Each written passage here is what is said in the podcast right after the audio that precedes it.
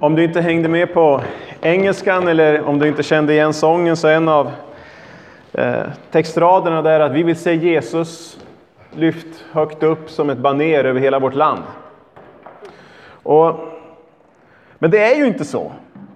Och det har jag funderat mycket på. Att eh, det ser inte riktigt ut på det sättet. Och jag funderar på varför vi som kristna, och nu pratar jag om hela kyrkan, inte bara vi som församling här, utan, utan vi i vårt land är ganska ineffektiva vittnen för honom, för Jesus.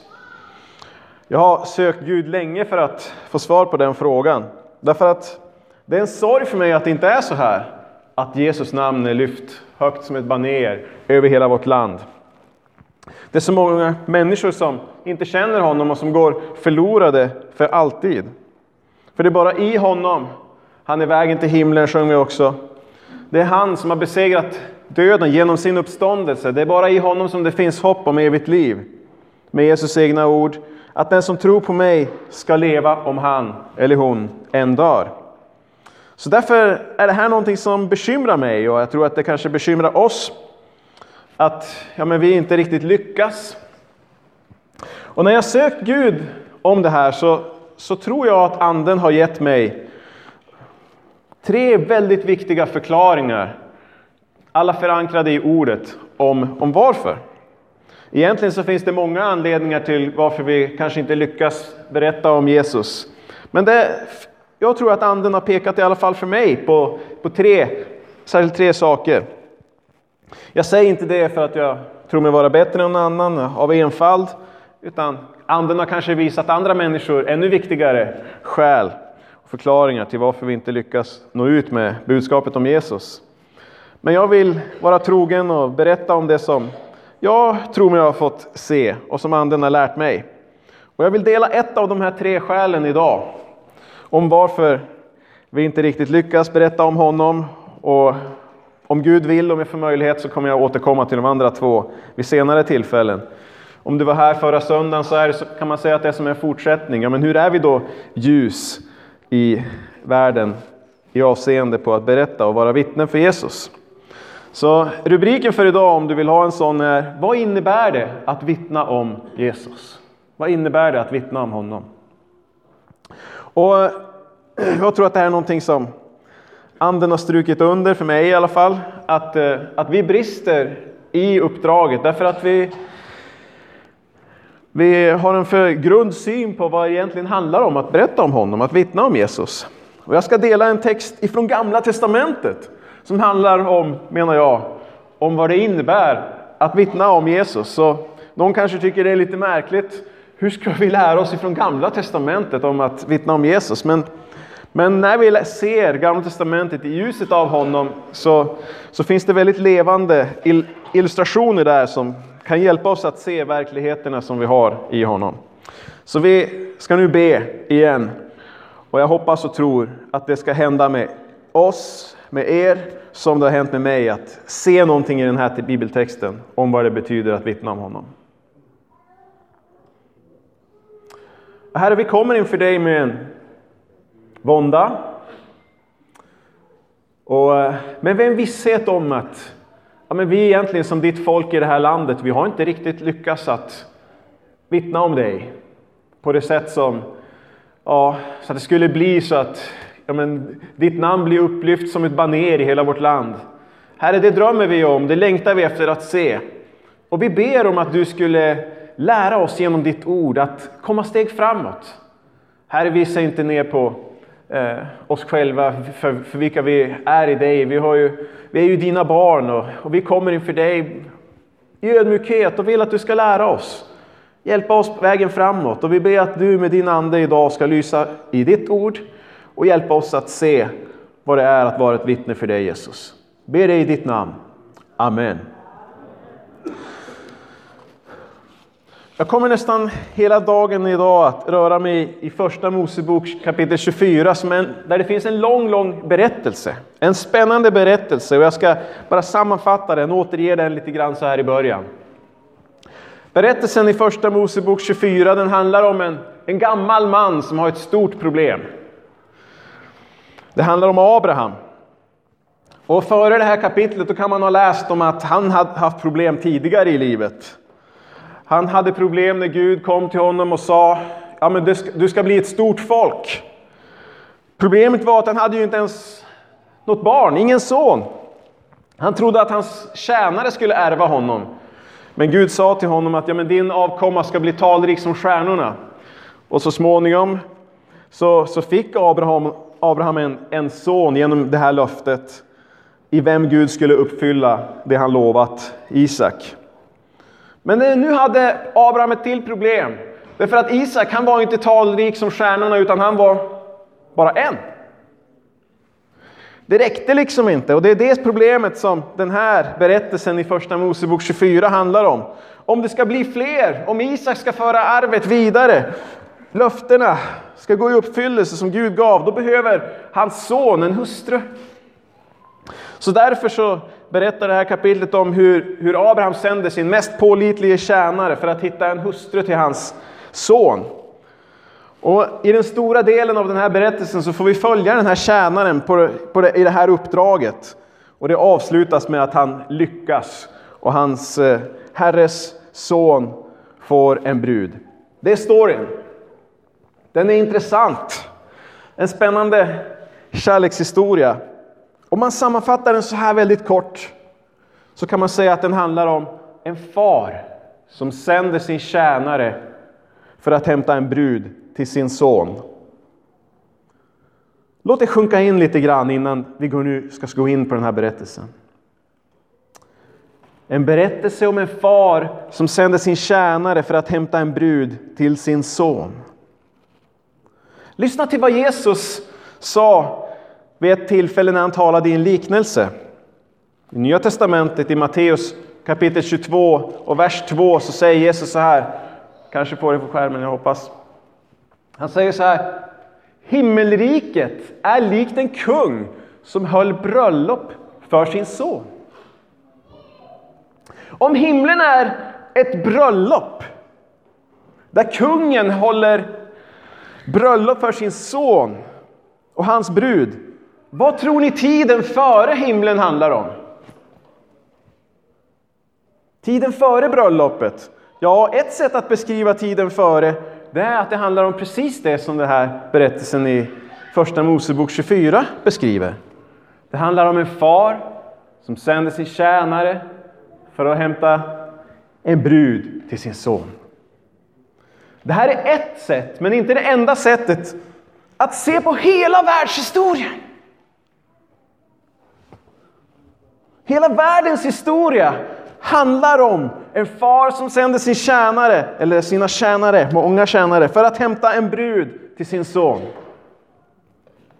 Lyssna till hur Paulus vid ett, annat, vid ett tillfälle beskriver sin, sin tjänst som ett vittne för Jesus. Det står så här i Andra Korinthierbrevet 11, vers 2, en bit in i den versen. Så läser vi så här ifrån mitten här. Jag har trolovat er med en enda man för att föra fram en ren jungfru inför Kristus. När Abraham sände sin tjänare för att hämta en brud till sin son Isak så talar det om samma verklighet som, som Paulus beskriver sitt uppdrag här. I berättelsen i Första Mosebok så, så representerar Abraham Fadern, Gud Fadern. Och Isak representerar Jesus. Och tjänaren som intressant nog saknar namn representerar alla tjänare som likt Paulus är med för att föra fram en brud till Kristus. Jag började att fråga så här. Vad innebär det att vittna om Jesus? Ja, att, att vittna om Jesus, det handlar om precis det som Abrahams tjänare blir befallda att göra. Att föra fram en brud till Faderns son. Låt oss försöka göra ett tankeexperiment och föreställa oss det här lite grann. Tänk om du som är här ställdes inför en sån här situation. Att, ja, tänk, på en, eh, tänk på en vän som du har, som du känner, som inte är gift. Och så får du uppdraget att, att du ska gå till någon människa som din vän inte känner, som inte du känner, Och så ska du säga till den personen, be han eller henne att gifta sig med din vän. Ganska speciell situation, eller hur? Lyssna, att vittna om Jesus, det är att inbjuda en människa som inte har mött Jesus att älska honom och vara med honom för alltid. Att vittna om Jesus är att inbjuda en människa som inte har mött Jesus att älska honom och leva med honom för alltid. Tänk dig nu dessutom att du ska ha blivit befalld att göra det här. Det är exakt den situationen som Abrahams tjänare blir ställd inför. Och nu går vi in i det här kapitlet i Första Mosebok 24.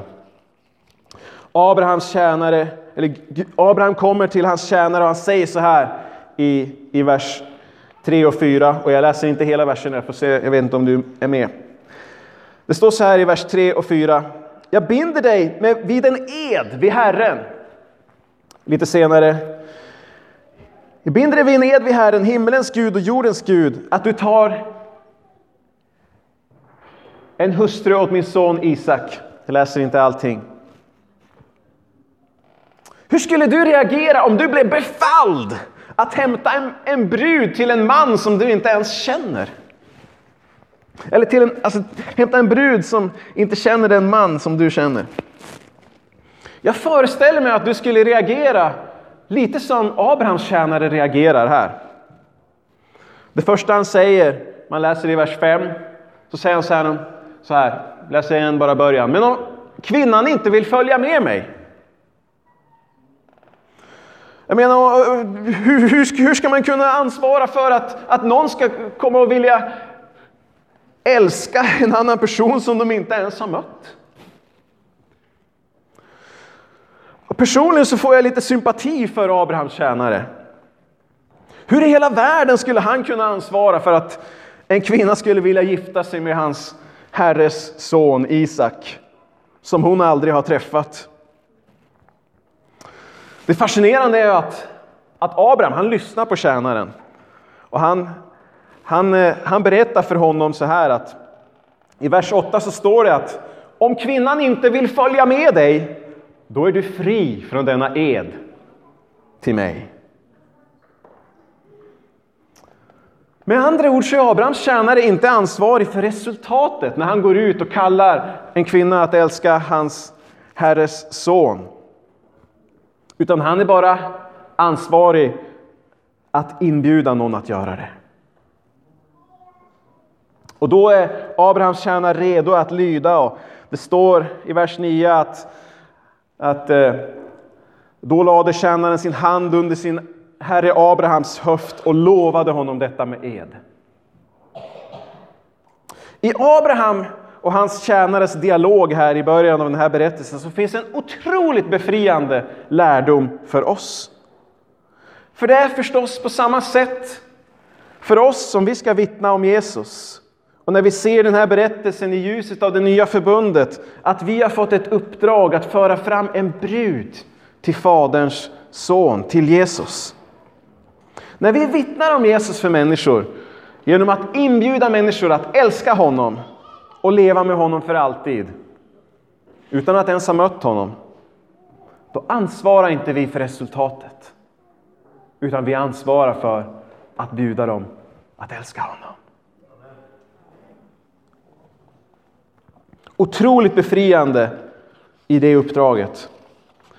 Ändå så är det här en gigantisk utmaning. Ur ett mänskligt perspektiv så ja, men det finns ju nästan ingen chans att lyckas. Och man kan känna att det, det är nästan knappt värt att försöka att kalla någon annan människa att älska den som de aldrig har träffat. Hur sannolikt är det egentligen att det ska gå? Och vi känner lätt en sån här osäkerhet för hur det ska gå om vi nu har antagit den här befallningen som också är riktad till oss vi kan ju uppleva det otroligt pinsamt att vittna om Jesus. Att be någon att älska den som de aldrig har mött och som de inte känner. Och jag tror att det här är precis vad Abrahams tjänare gick igenom. När han var på väg, han hade till och med fått tio kameler med sig med, med sin, med, med, från Abraham med dyrbara gåvor. Men det är uppenbart att, att det påverkade honom eh, att, att vara sänd på det här uppdraget vars utgång han var osäker på. Vad tror ni det fick honom att känna och göra? Jo, vi läser att han en bit in på sin resa så böjer han sig inför himmelens Gud och ber. Han blir beroende av Gud. När han inser att han är på ett, på ett uppdrag som han inte kan klara av i egen kraft. Och när vi gör det, då blir vi beroende av Gud. Vi ber. Lyssna till hans bön nu.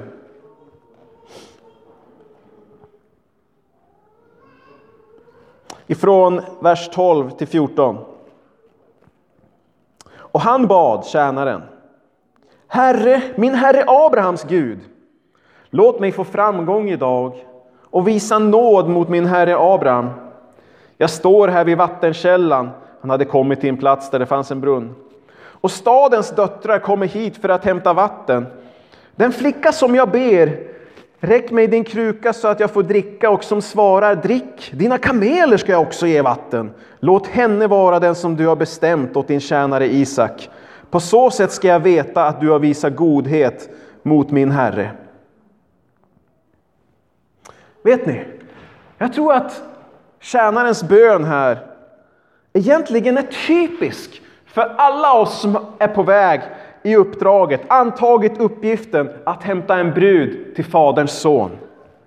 Gud Fader, hjälp! Led mig till rätt människa att berätta om din son för. Låt mig få nåden att bli ledd av tecken, annars så att jag liksom vet att du är med. Som gör att jag förstår att du leder mig till rätt person. Som kommer att vilja bli din brud, din sons brud. När man läser den här berättelsen, och det är helt fantastiskt, så, så märker man hur, hur snabbt han får bönesvar, Abrahams tjänare.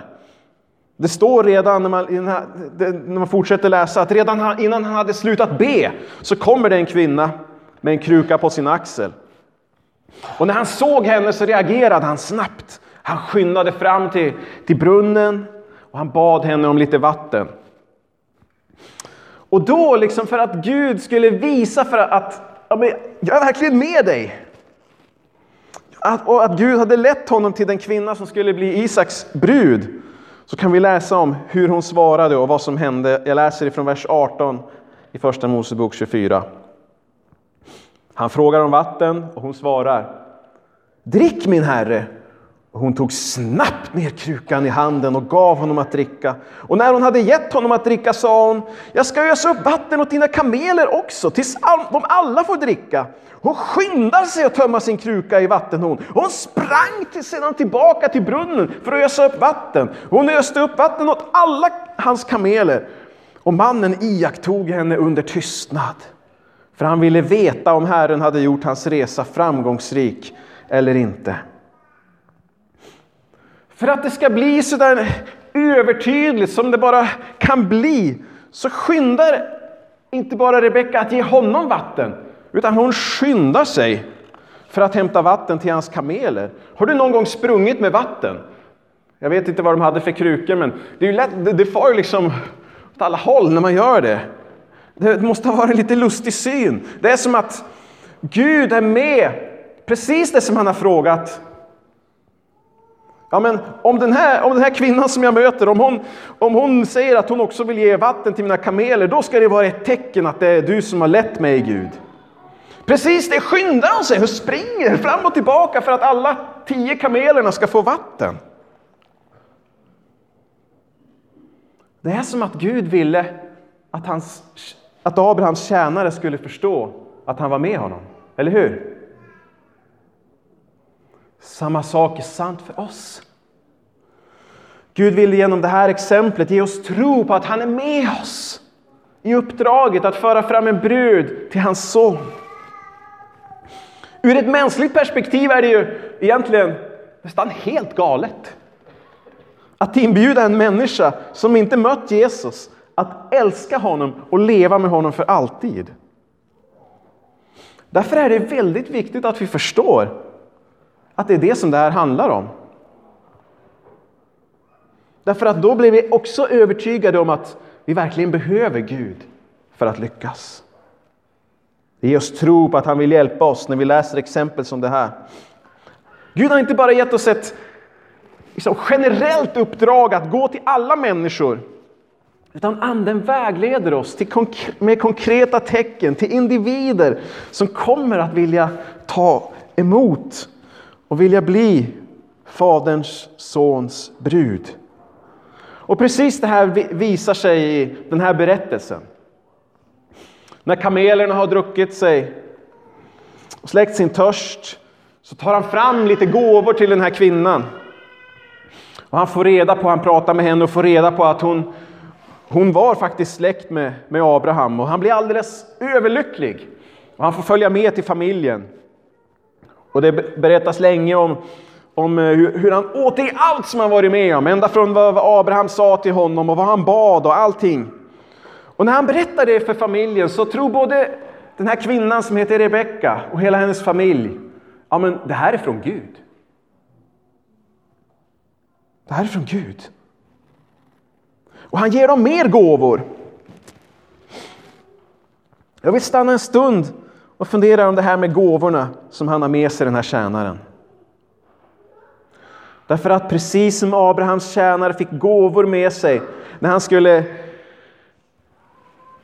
gå på det här uppdraget att hämta en hustru till hans, fad, hans, fader, hans herres son. Så har Gud, Fadern, skänkt oss gåvor, gett oss gåvor att ta med oss i uppdraget att hämta en brud till hans son. Faktum är att när vi bjuder människor att älska Faderns son så har Fadern redan gett sin bröllopsgåva. Vet ni vad det är?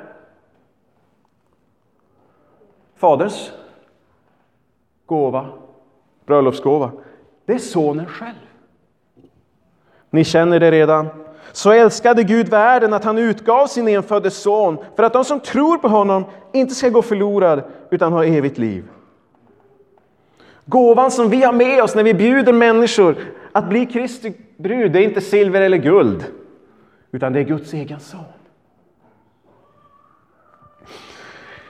När vi kallar en människa som aldrig mött Jesus att älska honom och leva med honom för alltid så kommer vi inte tomhänta. Brudgummen själv, Faderns son, är bröllopsgåva till bruden. Och i honom, i Jesus, så finns det ännu fler gåvor. De tre viktigaste, de är syndernas förlåtelse, ett evigt liv och den helige Ande. Tre gånger. Syndernas förlåtelse, evigt liv och den helige Ande. Därför att i Jesus, i hans död på korset, så finns syndernas förlåtelse. I hans uppståndelse så finns evigt liv. Och som en handpenning eller garant för det så ger Gud den helige Ande. Låt oss gå tillbaka lite till den här berättelsen. Där vi kan läsa om att familjen efter de har tagit emot de här gåvorna från Abrahams tjänare för att, han skulle, för att hon skulle bli Isaks hustru så frågar de henne, vill du följa med honom? Det står det i vers 58 om du har en egen bibel. Och hon svarar ja direkt. Och hon går, går med på att resa, resa med hast. Och jag vill fortsätta läsa vad som händer när Rebecka och Abrahams tjänare och kamelerna och när de kommer fram till Isak. Det står så här i närmare slutet av kapitlet från vers 63 till 60, 65. Det står om Isak. Mot kvällen när han, alltså Isak, gick och grubblade ute på fältet, då såg han upp och fick se kameler komma. När Rebecka lyfte blicken fick hon se Isak och hon steg ner från kamelen. och frågade tjänaren Vem är den mannen som kommer emot oss på fältet? Tjänaren svarade Det är min herre. Då tog hon sin slöja och dolde sig. Lägg noga märke till vad Rebecka gjorde när hon fick se Isak. Det var två saker. Vad gjorde hon för någonting? Det första, hon gick ner från kamelen. Och det andra, hon dolde sig med sin slöja. Hon gick ner från kamelen för att i stillhet få fokusera på Isak. Och när hon fick bekräftat att det var honom så dolde hon sig med sin slöja. Och jag tror att de här båda handlingarna är representativa för vad alla människor som blir kallade att tro på, älska Jesus och leva med honom för alltid egentligen både vill och behöver få göra.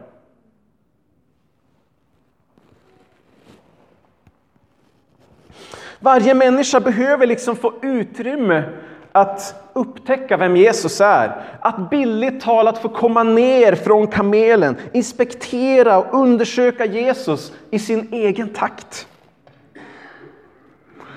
Jag tror att ibland så har vi stressat människor. Kanske har du blivit stressad själv att komma till Jesus. Pushat människor för fort. Och kanske beror det på att vi inte riktigt inser att vittna om Jesus handlar om att kalla människor att älska den som de aldrig har mött. Och för att göra det behöver människor, likt Rebecka inför Isak, de behöver få, kom, de behöver utrymme, frihet att komma ner från kamelen. Bli inte förvånad om en människa, när de börjar närma sig Jesus, tar ett steg tillbaka sådär, blir lite avvaktande. Som Rebecka när hon ser Isak som tar sin slöja och döljer sig. När en människa står i den situationen att bli kallad att, att älska och möta Jesus som de aldrig tidigare har kommit nära. Då är det typiskt att de billigt talat vill gömma sig bakom sin slöja. Jag tror det. Vet du, de behöver få göra det. Behövde inte du det när du skulle möta Jesus? Dra dig nära honom. Vår uppgift när vi är vittnen för Jesus, det är att likt Abrahams tjänare vägleda fram till Faderns son. Finnas där, vara tillgänglig, ha tålamod, i vänlighet berätta om honom. Det här är utanför bibeltexten, men jag svävar iväg lite grann i min fantasi. Jag föreställer mig nämligen att när Abrahams tjänare och Rebecka var på väg med kamelerna och reste för att komma till Isak, att tjänaren hade börjat berätta om hurdan han är. Hur underbar han är. Men det var inte någonting som, han bara, som Rebecka bara behövde höra. Hon behövde också se det med sina egna ögon. Hon behövde göra det lite sådär försiktigt blyg bakom sin slöja. Så är det som människor behöver få nalkas Jesus också. De behöver få se honom själva, upptäcka vem han är, utan att vara stressad.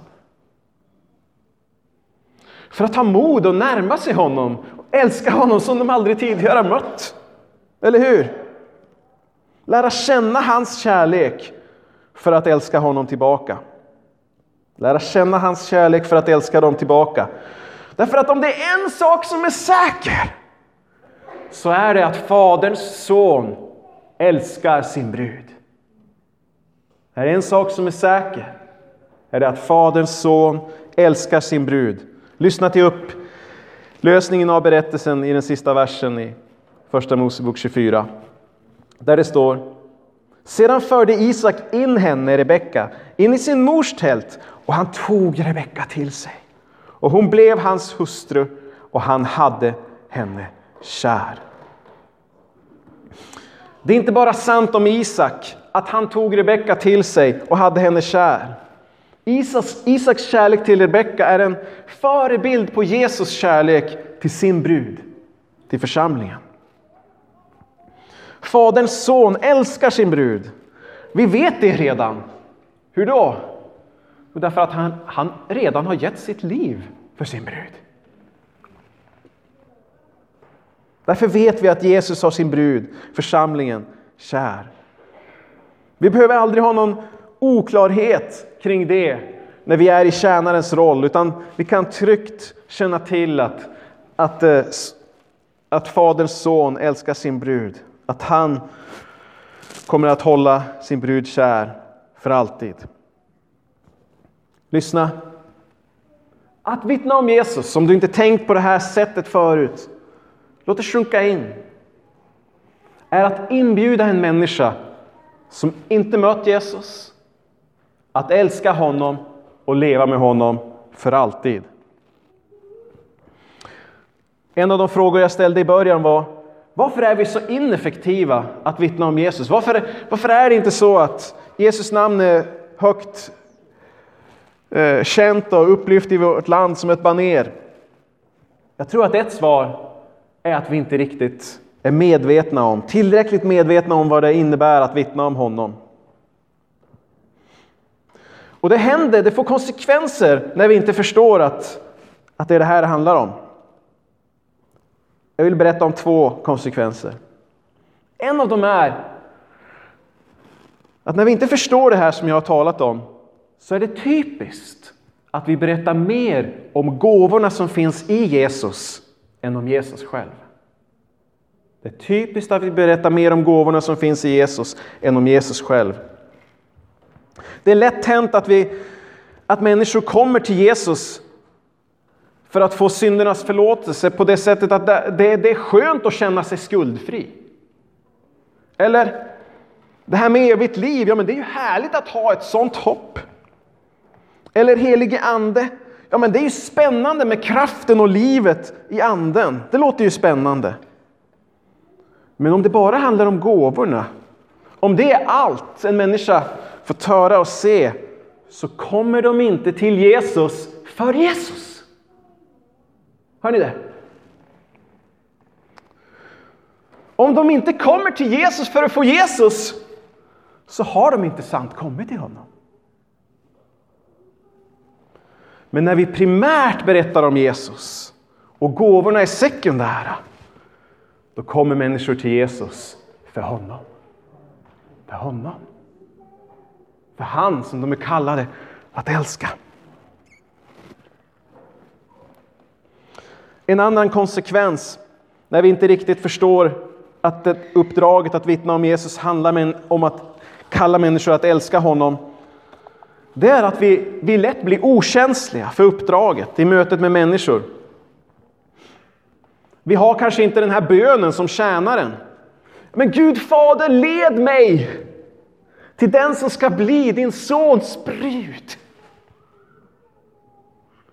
Ser vi inte det här så söker vi inte den vägledning vi, vi, vi behöver på det sätt som vi behöver. När vi känner att det är som att ja, men om jag ska vittna om Jesus, då är det som att jag ska vittna om alla, annars har jag inte vittnat för någon. Då är det så lätt hänt att vi inte säger ett ord.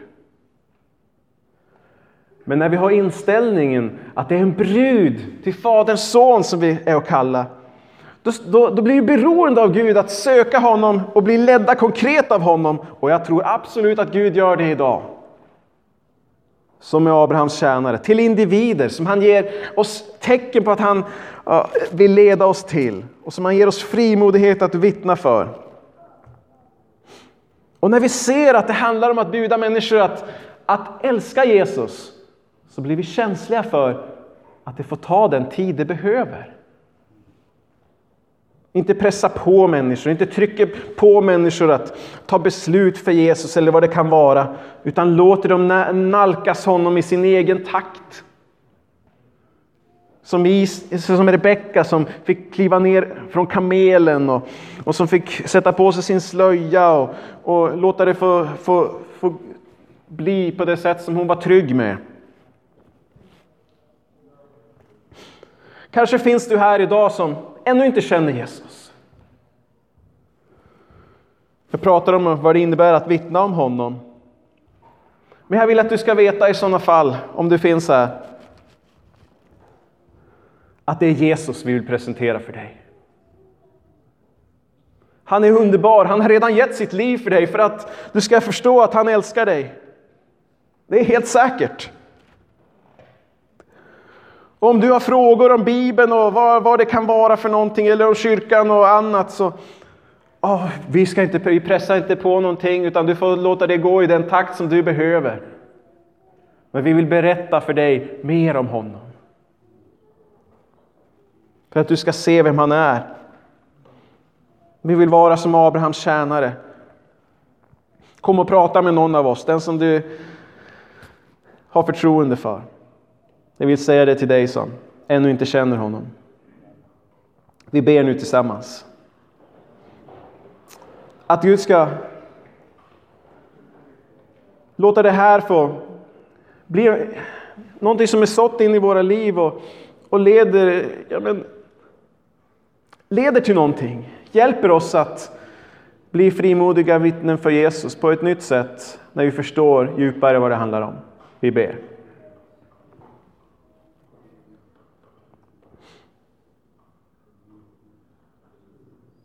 Herre, jag ber först för de som finns här inne som, när de kom till dig så, så fick de inte göra en sån här resa som Rebecka fick göra när hon skulle till Isak. Blev påtryckt någonting. Jag ber att inte det ska få ligga i vägen för, för de människor som finns här att, att ha, ha kommit till dig på ett verkligt sätt. Utan tack för din kärlek och omsorg att du möter dem och låter dem få komma närmare, närmare dig ändå. Och Herre, jag ber för, ber för, för oss här i, i det här uppdraget som du anförtror oss. Herre, du säger själv att du har fått all makt i himlen och på jorden. Gå därför ut. Tack att vi får se att det är också Fadern som sänder oss för att hämta en brud till din son. Och att du Ge den här insikten i våra liv att det handlar om att kalla människor att älska dig Jesus. Ge, låt, låt det bli rotat i oss så att vi får en känslighet i vårt möte med människor. Hjälp oss att presentera dig i första hand Jesus och i andra hand det, allt, allt det som finns i dig. Så att inte gåvorna som finns i dig skuggar dig Jesus.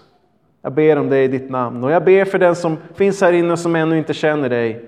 Herre, uppenbara dig för den personen och låt oss få gå vid sidan som Abrahams tjänare på den vägen för att bli din brud. Vi tackar dig att vi har fått bli det, allihop vi som tror på dig. I Jesu namn. Amen.